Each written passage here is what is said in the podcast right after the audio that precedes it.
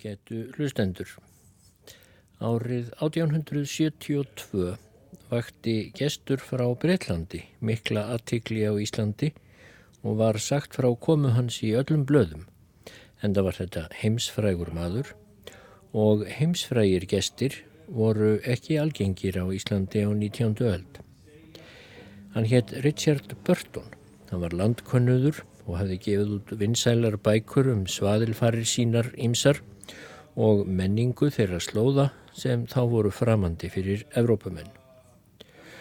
Og svo byðu Íslendingar spendir eftir því hvernig hinn frægi maður myndi skrifa um land og þjóð. Hann skrifaði reyndar stóra bók, Ultima Thule, sem kom út í tveimur bindum, þreymur árum eftir Íslandskomu hans, en þá þegar höfðu byrst á Íslandi bladafregnir af Ímsu sem Börton þessi hafði látið hafa eftir sér um land og þjóð og því miður þá þótti það ekki allt fagurt.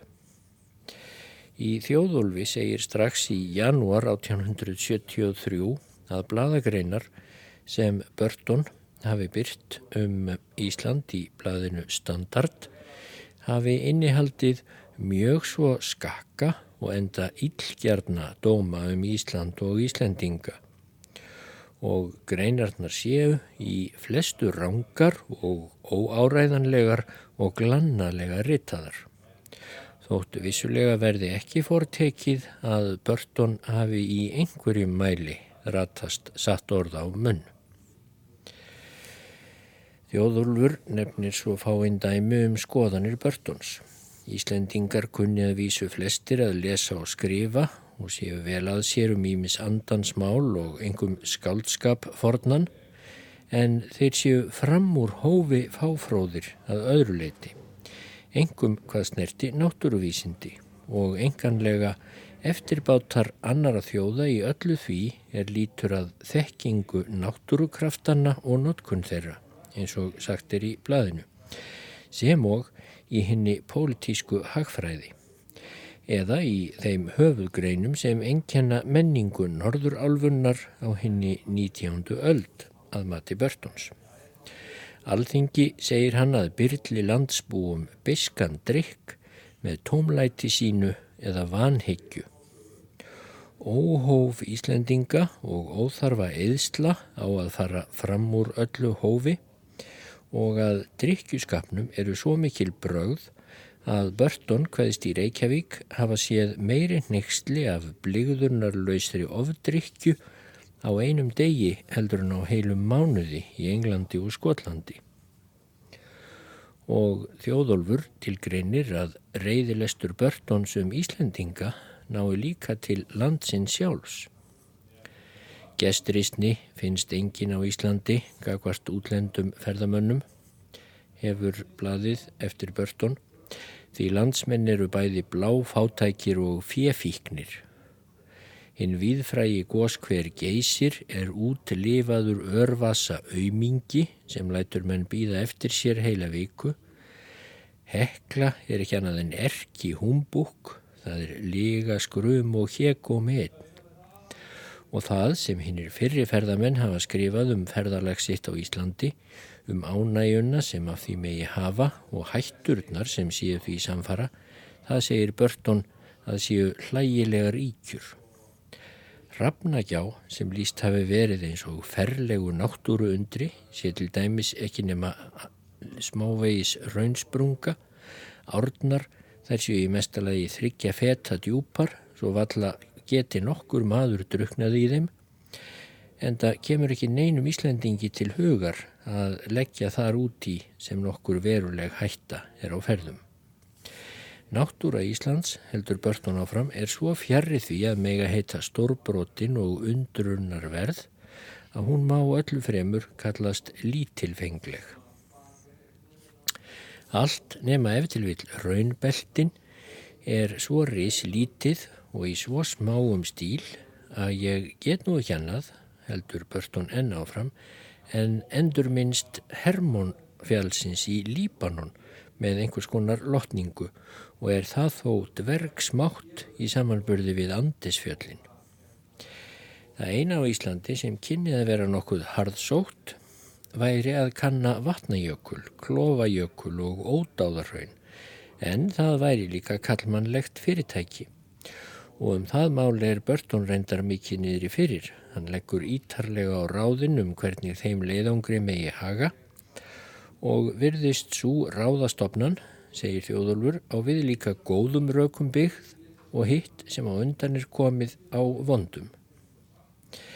En ef Íslendingar yfir leitt fengjust til fylgdar í þá ferð, þá segir Börton hotlast að hinnir ennsku ferðamenn hafi með sér skambissur og lagnýfa svo hinnir ístöðu litlu Íslendingar sjáu að útlendingarnir séu óhrættir við útilegumenn sem allir Íslendingar óttist og ferðamenn séu vígbúnir ef á þetta halda.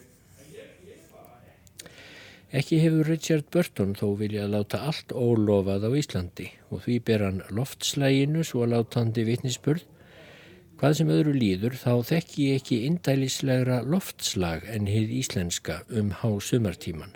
Loftið er ilmur og ángan, menn geta gengið hattlausir og frakkalöysir um miðnætti og ég hefi, segir Bartón, sofið undir berulofti, tjaldlaus og rúmlaus í 1500 fetahæð frá sjávarmáli. Vatnið er að sínuleiti eins hreint og mjölkin og rjómin eru svo að ekki fæst slíkt á Englandi. Þessi greini í þjóðólfi, þar sem rækin voru, þessi nextlanlegu dæmi um nextlun börtuns á Íslandingum og Íslandi, þetta var aðeins upphafið að heilmiklum nextlunar skrifum Íslandinga um það virðingar leysi sem þeim fannst gesturinn sína landinu og þjóðinni. Óþarfi að fara nánar út í það að sinni en í þessum þætti ætla ég að rekja nokkur dæmi um að Richard Burton var svo sannarlega ekkert lampa leika sér við í skrifum um lönd og líði. Hann fættist í Torki á Suður Englandi árið 1821 og var því rúmlega 50 þegar hann kom til Íslands. Fadir hans var ofursti í breska hernum Móður hans var af ágætlega stæðum landeigendum. Fjölskyldan ferðaðist mikið um Evrópu og æsku árum Börtons og kann það að hafa valdið rótleysi í Sál Pilts. Hann var allt hérnt á stöðugum ferðalögum allar göttur síðan. Hann lærði við Oxford, reyndist hafa mikla og raunar ótrúlega hæfileika til að læra tungumál og heitlaðist alveg sérstaklega af arabísku. Hann var að lokum rekin úr skóla því hann var lítið gefinn fyrir að lúta reglum, gekk þá í breska herin og var sendur til Indlands.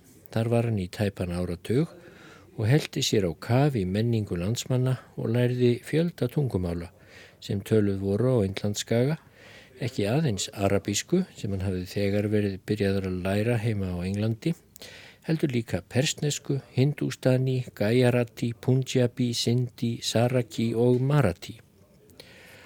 Hann helt líka apahjörð í þeirri von að hann geti lært tungumál apakattana og taldi sig að sögn á einhverjum árangri þar. Að minnstakosti hafðan sett saman litla apa orðabók sem hann taldi að einhvert markværi átakandi. En Burton vakti annars mikla aðtikli og förðu félaga sína í hernum fyrir áhuga sinna á menningu annara þjóða en breyta en í þá daga hins rýsandi breska heimsveldis var það beinleginis trúaratriði með brettum að menning þeirra væri hinn æðsta í allri veröld og þeir hefðu lítið ekkert af öðrum að læra. Börton var sannarlega ekki þeirra skoðunar. Hann þótti sangallaður sérfræðingur í menningu bæði arabískri og persneskri Hann lág í bókum og let sig dreyma um að þýða í mis stórverki hins arabíska og persneska og indverska menningarheims á ennsku. Það gerði hann svo setna þegar hann þýtti þúsund og einanótt og fleiri verk. En hann var ekki bara bókabíus, hann var líka karlmenni í gamalli merkingu þess orðs, stundaði bardaga íþróttir með núum og nefum, yngir hanskar þar Hann var skilmingamadur mikill og svo framvegis. Árið 1851 fór Burton í frægaferð til Mekka.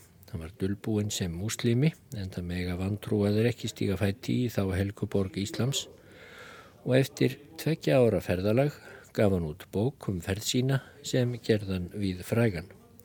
Hann hafði lagt sig fram um að dullbúast sem best og hafði meira segja látið umskjera sig að hætti muslima en þess má geta, þannig að ég ætlu út í þá sálma hér og nú að margir telja að hann hafi rauninni verið að mistakosti á einhverju tímabili æfisinnar afar veikur fyrir Íslams trú og aðfylst hana eða mistakosti spekimál hennar á, að einhverju leti. En eftir ferðina til Mekka þá fylgist uh, Börton áhuga og ferðalögum inn í myrkviði Afríku. Brettar sigildu þá á skipum sínum með framöllum Afríkuströndum, fóru sem staðar í land og versluðu, en fyrir utan Suður Afríku og Egiptaland voru þeir lítfarnir að kanna innlöndin en þá og Evrópumenn yfirleitt vissur endar fátum hvað þar lindist. Um þetta leiti höfðu menn fylst miklum áhuga og að komast að upptökum Nílarfljóts. Og á pílagrimsferðin til Mekka hafði Börton komist í kynni við arabíska kaupmenn og þrælasala sem kunnugir voru í Afríku og sögðunum frá miklum stöðuvötnum sem þar lindust og Börton taldi að vonum fullvist að væru upptök fljótsins mikla sem fjell svo í norðurátt í gegnum Eþjópíu, Sútan og Egiptaland til sjávar í miðjarðarhafinu. Árið 1854 helt Burton í leiðangur um Sómalíu og inn í Eþjópíu og var litið á leiðangurinn sem eins konar undirbúning fyrir annan og meiri sem fara eitti á næstu árum. Í þessum leiðangri fylgdi Burton ungur breskur hermaður og áhugasamur landkonnöður John Hanning Spík að nafni. Þetta var mikil hættu förr. 200 sómalskir stríðsmenn réðust til dæmis og feldu að minnstakosti einn mann úr hópnum. Spjóti var þá skotið að börton þannig að það stóð fast í vanga hans og bar hann síðan mikið ör á vanganum til minni sem um það spjót. Spík var gómaður af sómölum og illa leikinum tíma en tókst með harðfylgi að leggja á flóta. Þrátt fyrir að hafa sloppið nömlega lífs úr þessari för og þrátt fyrir að í rauninni fær ekki nema miðlungi vel á með þeim börtun og spík þá einsettu þeir sér að reyna aftur að tveimur árum liðnum. Nema í þetta sinn ætluðu þeir að leggja upp sunnar ekki fara frá Sómalíu heldur frá eiginni Sansibar sem var mikill vestlunarstaður út af Afríku ströndum austanverðum þar sem arabískur soldán réðiríkjum og stýrði meðal annars umfangsmikilli og grimmilegri þrælaverslun sem týðkast hafði á svæðinu í margar aldir, ef ekki meira en þúsund áriðabil. Arabískir þrælakaupmenn fóru frá Sansibar og upp á ströndina, heldu í leiðangra inn í frumskóana og rændu þar innfættum, körlum, konum og börnum og Þetta fólk var svo flutt til Sansibar, selt þar á þrælamörkuðum og endaði sömt í þrældómi í öðrum löndum, öllum löndum Inlandshafs og Íslams. Þegar Evrópumenn fór að sigla inn á Inlandshaf var það ekkert hlýja á þessari þrælaverslun og það var ekki fyrir ný byrjun 19. aldar sem sumirbrettar fóru að amast viðinni. En þeir voru þá líka farnir að amast við þrælaversluninni sem Evrópumenn og Ameríkumenn sjálfur stunduðu í Vesturafríku en hún var engu síður grimmileg heldur en þræla vestlunin á austurströnd Afríku. En um þetta leiti var þræla vestlun þó enn í fullu fjöru í Sansibar og þegar Burton og Spík ákvaðu að leggja upp frá Sansibar og upp að Afrikuströndum og inn í frumskóana til að leitað upptökum Nílarfljóts þá örður þeir fljótt varir við þrælaverslununa. Um þetta leiti hafði ímyndunarafl manna fyllt þetta óþekta miðsvæði Afríku hinnum mögnuðustu ófreskjum og förðuskepnum svo sem dvergum og mannætum með hala, griffínum, skoffínum, salamöndrum og þá gífurlega stórum vötnum og fjöllum svo hám að þau buðu sjálfum náttúrulögmálunum byrgin með því að krínast snjó og jöklum í sjálfri sjólarbreyskju miðböksins. Þeir Börtun og Spík voru nú ráðunir í að finna þessi vötn, þessi snæfið þóttu fjöll og ekki síst upptök nílar. Í bókinni Kvíta Níl eftir Alan Moorhead sem kom út uh, rétt fyrir miðja 20. öld, þar er ferð þeirra rakkin. Svo bók kom út á íslensku fyrir tæpum 60 árum í þýðingu Hjartar Haldurssonar og ég ætla að glukka í bæði hana og skrif Börtons í þessum þætti aðan áherslan verður þó ekki á ferðina sjálfa, heldur á viðhorf Börtons til þess fólks sem hann hitti fyrir. Eins og ég sagði hér áðan þá dáði Börton Araba og arabíska menningu en skoðanir hans á svörtum íbúum Afríku voru allt annar handleikur því meður. Á því sviði sóur Börton sig í ætt við hinn að verstu af kynþáttahyggjumönnum sem þá voru að berja saman þær skoðanir að eðlislegur munur einhver væri á kynþáttum mannsins og sumir væri fullkomnari en aðrir frá náttúrunar hendi. En í Kvítuníl segir Múrheit svo frá komið þeirra félaga til Sansibar 1856. Svo Sansibar sem þeir litu fyrst augum í árslokk 1856 var þá miklu merkilegri staður en hún er nú. Þá var hún miðstöð allrar verslunar og kaupsíklinga um endilanga austurströnd Afríku. Við leitni Portugala til að stopna nýlendur á meginlandinu gengt inni var fyrir laungu að engu orðin og hinn miklu lönd vestanstrandar sem nú eru þekkt undir nöfnunum Tanganíka, Kenya, Uganda, Suður Sútan og Kongo voru ókortlögð og ókönnuð svæði. Í orði hverðinu þóttust soldánar Sansibar borgar eiga tilkall til að minnstakosti einhvers hluta þessa mikla landflæmis, handan sundsins yfir til Afríku en í raun náði valdsvið þeirra ekki nema til strandarinnar og var að vísu takmörkunum háð. Um þurkatíman heldur lestir þrælasala og fílabeins kaupmanna til hinn að lít þekktu landa í skóginum í vestri. Þær voru í burtu í heilt ár eða meira ef þær áttu þá nokkur, nokkur sinni afturkvæmt. Og það var allt úr sumt sem en vissu um mið Afriku í þann tíð. En Sansibareia var nú engað síður mikilvæg höfn og fastur viðkomustadur seglskipanna sem plægðu Inlandsaf og það var á einu slíku sem þeir Börtun og Spík komu til staðarins á leið frá Bombay á Indlandi 19. desember 1856. Við fyrstu sín hefur eigin valla verið mjög frábröðun því sem hún er nú. Þá eins og nú barst ilmur af krytti og hitabelti skróðri að vitum ferðamannsins langt á hafút og gljáfægðar híminbláar öldur skóluðu kvítar kóralstrendur. Frumskóar þyknið sem gekk allt niður að sjávarmáli var kaf grænt og þótti regnbiljir og jafnvel kvirvilvindar dindu yfir með köplum ríkti kæfandi hitamotla áriðum kring. Séð af hafi líktist borgin ójafnri þverskurðarmynd af lágum moldarkofum og stórum kassabyggingum úr gráleitum kóralsteini, auðvelt var að greina soldánshöllina, hús konsúla og kaupmanna og þá mínarettur íslumsku bænahúsana fyrir neðan. Það var ein af þessum byggingum, hús Atkins Hammertons ofursta, sem var áfangastadur Burtons og Spíks.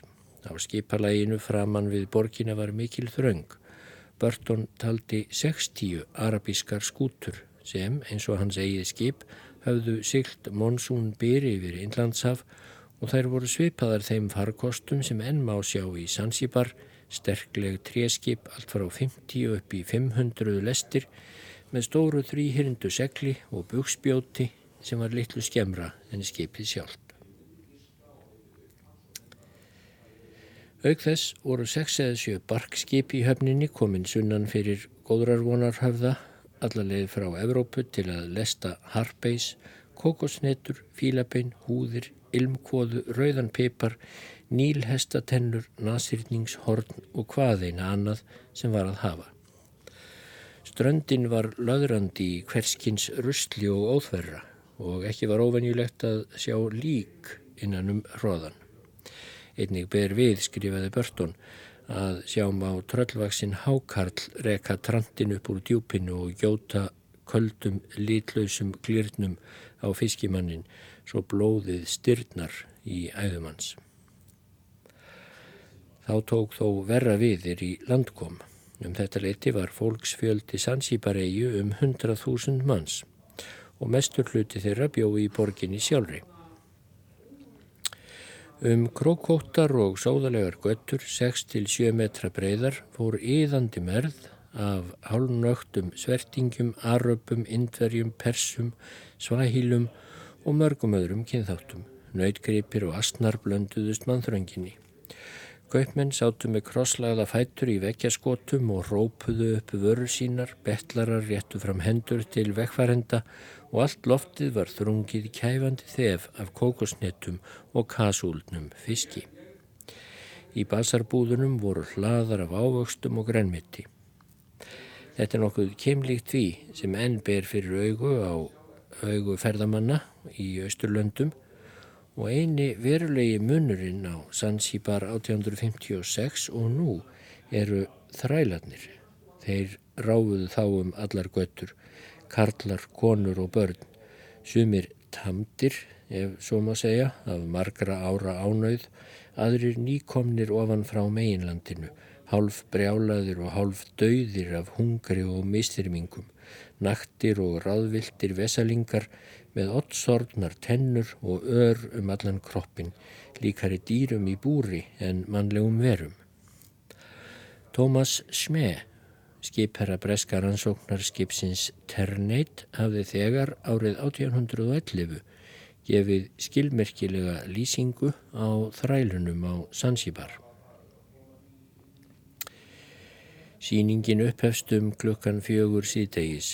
Þrælarnir hafa verið duppaður upp eftir föngum, þvegnir og smurðir með kokosolju. Andlit þeirra hafa verið máluð kvítum og rauðum röndum en það er álitin höfuð príði hér um slóðir og hendur, nef og eiru og fætur skreitt gulli, silfri og gemsteinum og þá er þeim stilt upp í röð eftir stærð og aldri, hinn er yngstu fremst, síðan hinn er eldri og stærri. Í brotti þessarar fylkingar af báðum kynjum á öllum aldri frá 6 til 60 ára ganga svo eigendurnir. Á eftir og til begja hliða eru tveir eða þrýr heimilistrælar sem verðir, vopnaðir sverðum og spjótum.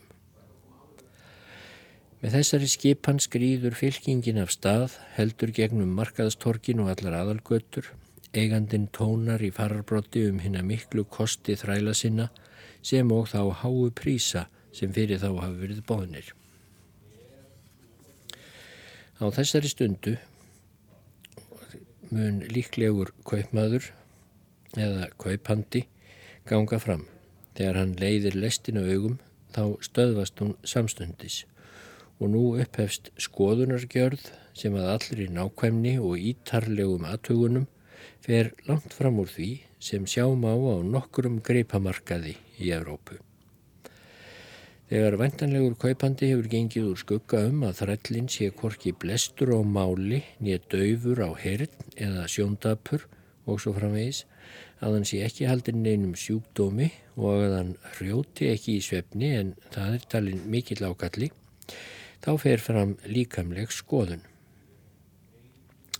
Fyrst eru tennur vandlega aðtögaðar og síðan hver einstakur partur líkamanns, ekki síst brjóst stúlknanna og hef ég séð margar þeirra verða fyrir bligðunarlausri meðferð af kaupendum sínum á hinnum ofinbera markaði.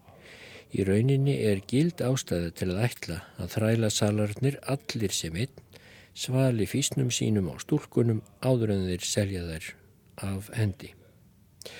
Þá er þrællin látin ganga eða hlaupa nokkur spöl til að sína að allt sé í lægi með fætur hans. Síðan ef kaupin ganga saman er hann rúin öllum djásnum og afhendur hinnum nýja eiganda. Ég hef oft talið millir 20 og 30 slíkra fylkinga á markaðunum.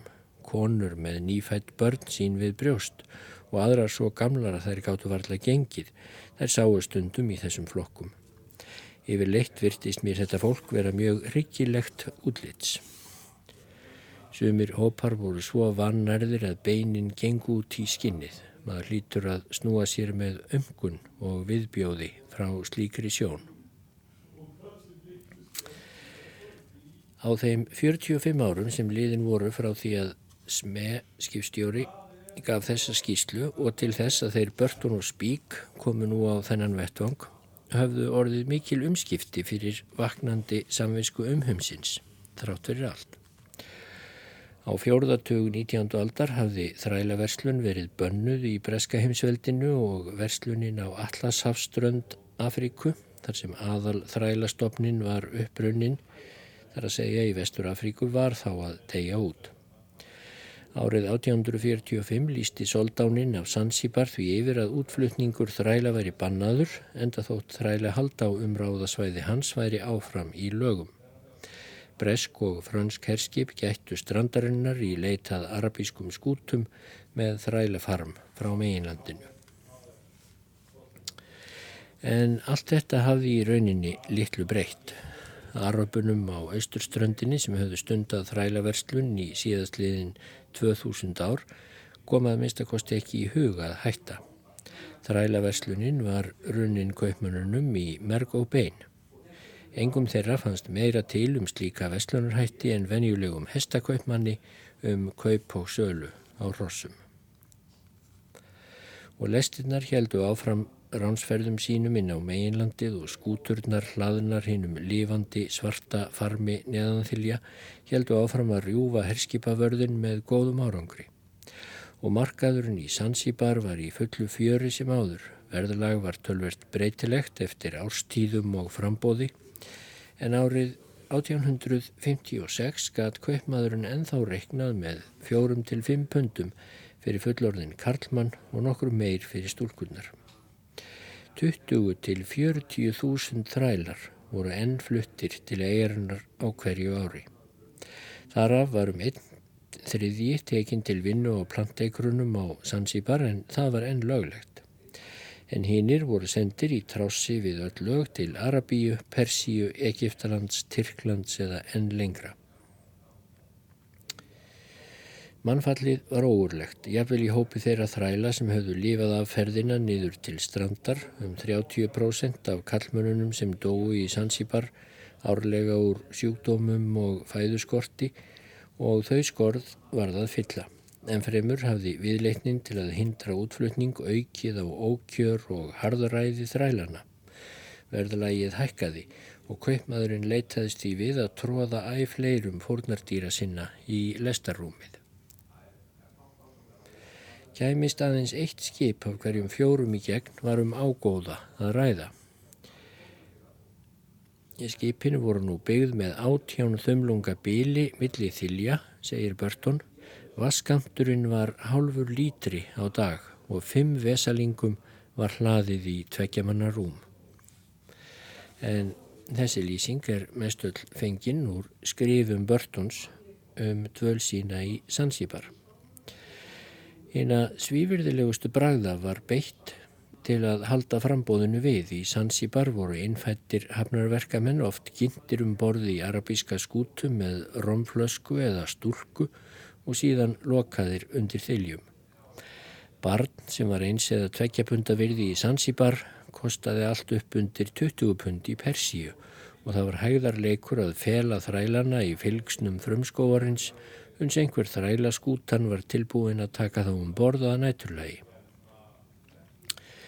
Hæst var bóðið í Abyssiníu og Tjerkassa stúlkur sem fluttar voru að norðan en þær voru mjög sjaldan fluttar út. Þær höfnuðu í kvennabúrum stjórnarherrana á Sansibar. Lýsing Börtons á markaðastorkinu 1856 sínir hver lítið hafði breyst til hins betra síðan sme hafði verið þar á ferði í aldarbyrjun. Hann segir negrarnir stóðu þarna í röðum eins og skeppnur og uppbóðshaldarinn kallaði upp Basar Kush. Þeir sem litur skást út voru með rauðar nátthúfur á höfði þóttir væru varðla mannlegir útlits. Allir voru hræðilega magrir og mátti telja í þeim rifin eins og gerðir á tunnu. Atiklisverðastir voru smástrákarnir sem brostu flýrulega eins og þeim þætti dáltið gaman að hinnum niðrandi og nærgöngulu skoðunum sem bæði kín af öllum aldursflokkum máttu þóla. Kvennaskarin var auðmur og átakanlegur útlits. Þar var aðeins ein álitleg stúlka með vandlega málaðar augabrúnir. Hún virtist vera hæversk og hefur sennilega verið bóðinn fram til kaups vegna einhvers hegðunarbróts. Annars eru fullordnir heimilist þrælar venjulega óseljanleir af þeirri einföldu ástæðu að húsbændur þeirra látað og aldrei af hendi fyrir en þeir álítað á óforbetranlega. Kaupmennir brostu til okkar og voru kátir og reyfir. Þá voru það vandiskvenna hverfin. Þar sem kvennfólkið var í framann eins og húðflettir apar eins og börnun kemst einhver, af einhverjum ástöðum að orði með grannafættur í rauðum aðskornum silkibrókum. Það voru hinnir viltu þrælar ofan af meginlandinu, hinnir nýkomnu sem mestum usla ollu í Sansibar. Þeir reikuðum um götturnar eftir einhverju æti eins og hungraður hundar voru albúnir til hverskonar ofbeldis og rána. Engin hætti sér óvopnaður um götturnar og að næturlagi var bröndum sleið fyrir allar dýr og glugga til varnar gegn ránsmönnum hinn að auðu stræta þrælunum sem gengur lausir. Heimilistrælar á hinn bógin, þar að segja þeir sem höfðu fæðist eða aðlist upp í Sansibar og voru meirið að minna siðmentaðir, þeir voru undir alltaðra sög seldir. Þeir voru hinnir lötustu, sóðalegustu og ófrómustu allra þjóna, segir Börtón, og þó gáttu hinnir arabísku húsbændur þeirra ekki hugsað sér að vera án þeirra. Oft voru slíkir þrælar sem, meðferð, sem meðlimir fjölskyldunar og hlutu bærilega meðferð.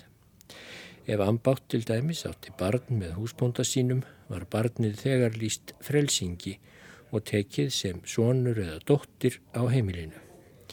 Engað síður voru drikkjuskapur og nöppl hinnir venjulegustu ósýðir heimilistræla flestra fjölskyldna og því, jæmt sem húsbændur, lifðu í gagkvæmri tortrygni, jável hatri.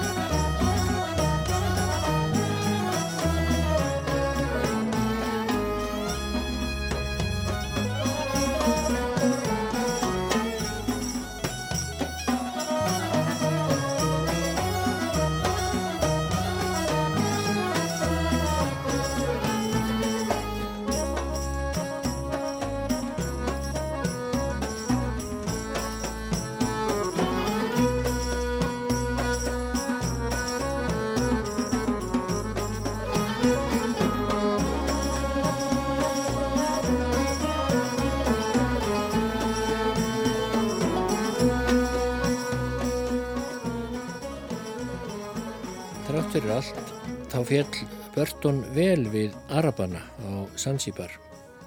Bandþóknun hans fjell á Afríkumenn, hvort heldur frjálsa eða ánauðuga, þótt hann viðurkendi að meðferðinn á þrælunum væri hróttaleg. Stundum urðu jafnvel landar hans fyrir vandþóknun hans. En hann afgreðir Svahíla hressilega þessa súkulæðubrúnu kinnblendinga, semíta og svartra á eiginni sem töldu um halva miljónum þessar myndir. Hann viðurkennir að þeir væru gladlindir og ræktu mjög fjölskyldubönd en að eðlisfari, sagðan, þá eru þeir haldnir ólæknandi tortrygni á samt rótgróni andúð á öllum breytingum og næstum villimannlegri íhaldsemi. Og þeim væri alls ekki trúandi, þegar þeir fullir það eru þeir að öllum líkindum að ljúa, segir hann, en ef þeir sverja þá er lígin alveg rakalauðs. Trátt fyrir merð af bókum sem skrifaðar hafa verið um Richard Burton og þær sem hann skrifaði sjálfur, þá verður honum alls ekki líst með góðu móti. Framar öllu var hann maður romantískur og vínur araba, segir Múrhead. Hann verður tvímarur aust að teljast til þess litla en sí endur nýjaða hóps enskra manna og kvenna sem eru fætt með einhverja vöndun í sálsinni, einhverja þrá eða heimfísi sem aðeins eigðimerkur Östurlanda fá sefað.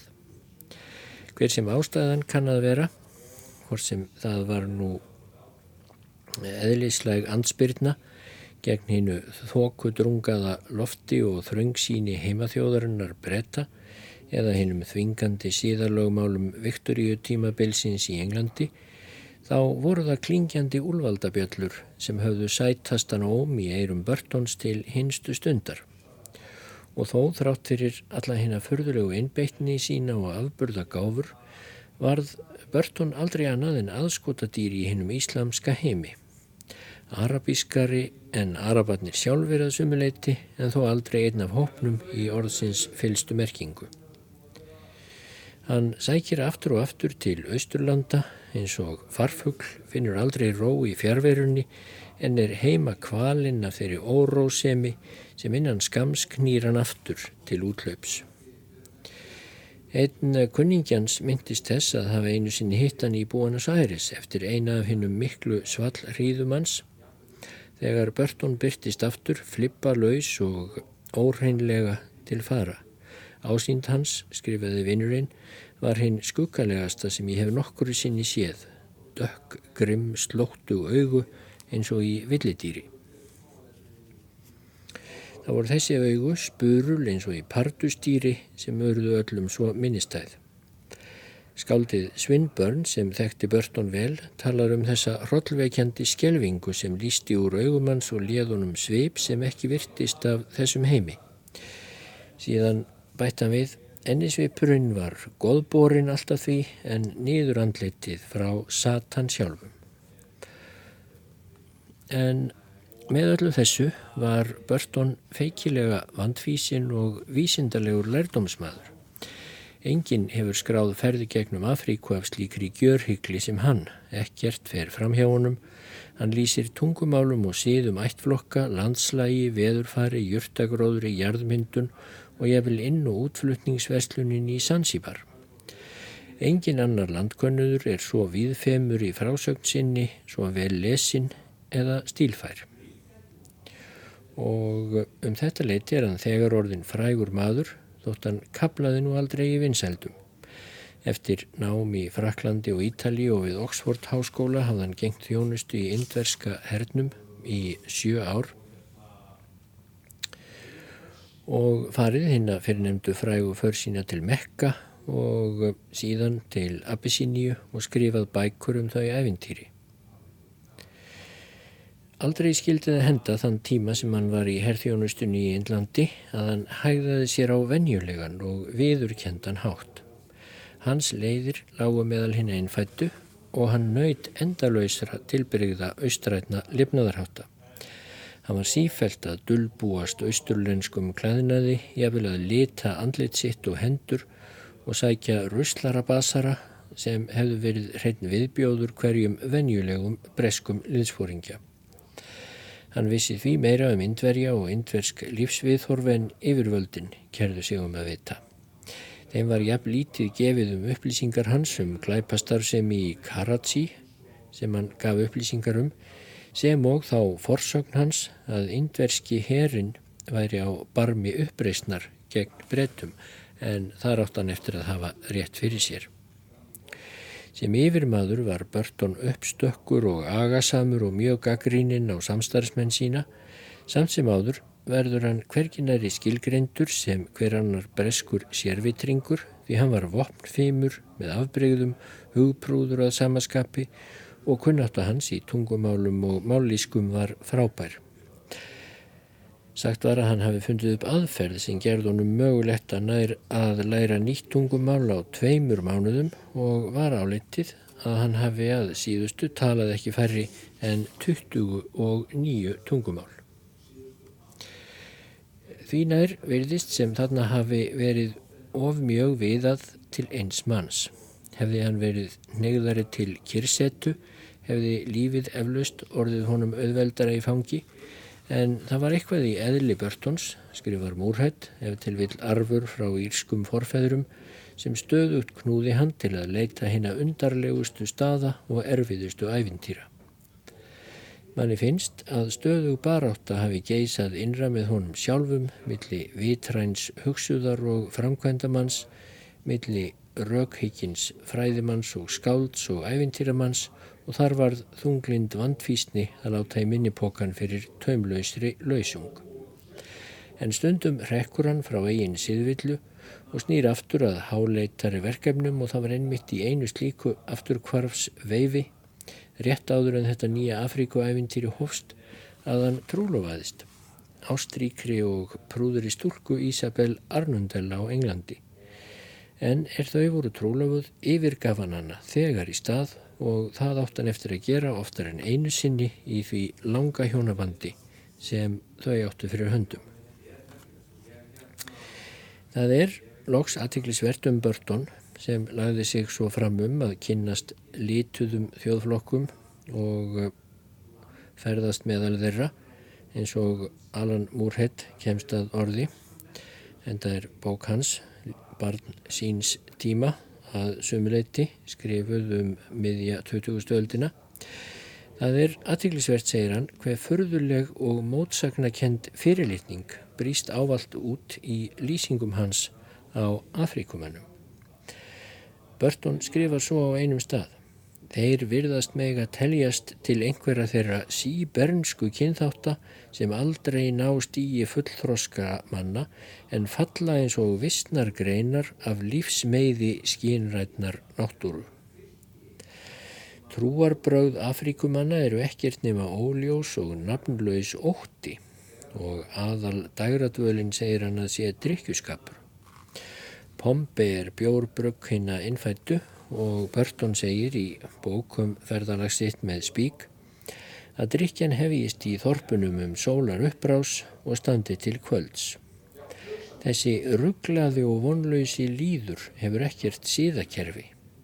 Hjónaband sem markar æfiskeið með kristnumönnum og er merkisháttíð meðal Íslamíta er hverstagslegur viðbörður hjá þessu fólki. Fleirkvæni er ótakmarkað og eh, höfðingjar groppa af konufjölda sínum sem getur verið frá 10 upp í 300. Þannig lætur Börton dæluna ganga um þessar svörtu þjóðir nær því ávalt niðrandi. Stundum er hann kannski fyndinn og skemmtilegur en valla kvarlar það aðunum að það voru hinnir útlendu þrælakaupminn sem spiltu fólkinu og dróða niður í svaðið ekki síður en bjórdrykjan og fjölkvænið. Í hugarheimi Börtons var villimennska Afríkumanna sem hann taldi augljósa þeirra eigin sög og frá upphafi til enda umgjækst hann þá eins og illa innrætta unglinga með augljósa glæpanegð. Jafnveil um leið og hann viðurkendi að meðferðin á þrælunum væri hræðileg. Spík sem átti við engu minni mótgang og erfiðleika að stríða en Börton.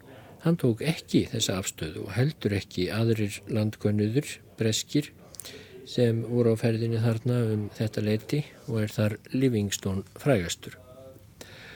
Og þessi viðhorf Richard Burtons verða beinlýnis sjúkleg þegar þau eru borin saman við góðvilja og samúð Livingstones með Afrikumannum. Sjúklega eins og kynþáttahattur gerist verst. Það voru vist ekki mikla ríkjur þegar einninn að svörtu höfðingja komst svoðorði að Börton væri góður maður en ofur reyður. Það skal þó tekið fram að Börton stundaði það ekki að skjóta Afrikumenn eða myrða en það var títt um ófáa þeirra landkönnuða sem á eftir fylgdu. En þannig var nú það. Richard Burton var kynþáttaheikjumadur, rasist í jafnvel, það er ljóst. Hann var líka orðhákur, dómþungur, stundum ferlegur í háttum, en látið ykkur samt ekki koma óvart, þótt hann skjóti aftur upp kollinum í frjálsum höndum setna, hvort sem hann verður þá á ferði í Afríku, í Mekka, á Índlandi eða á Íslandi. Þanga til byrði ég lustendur vel og lengi að lifa.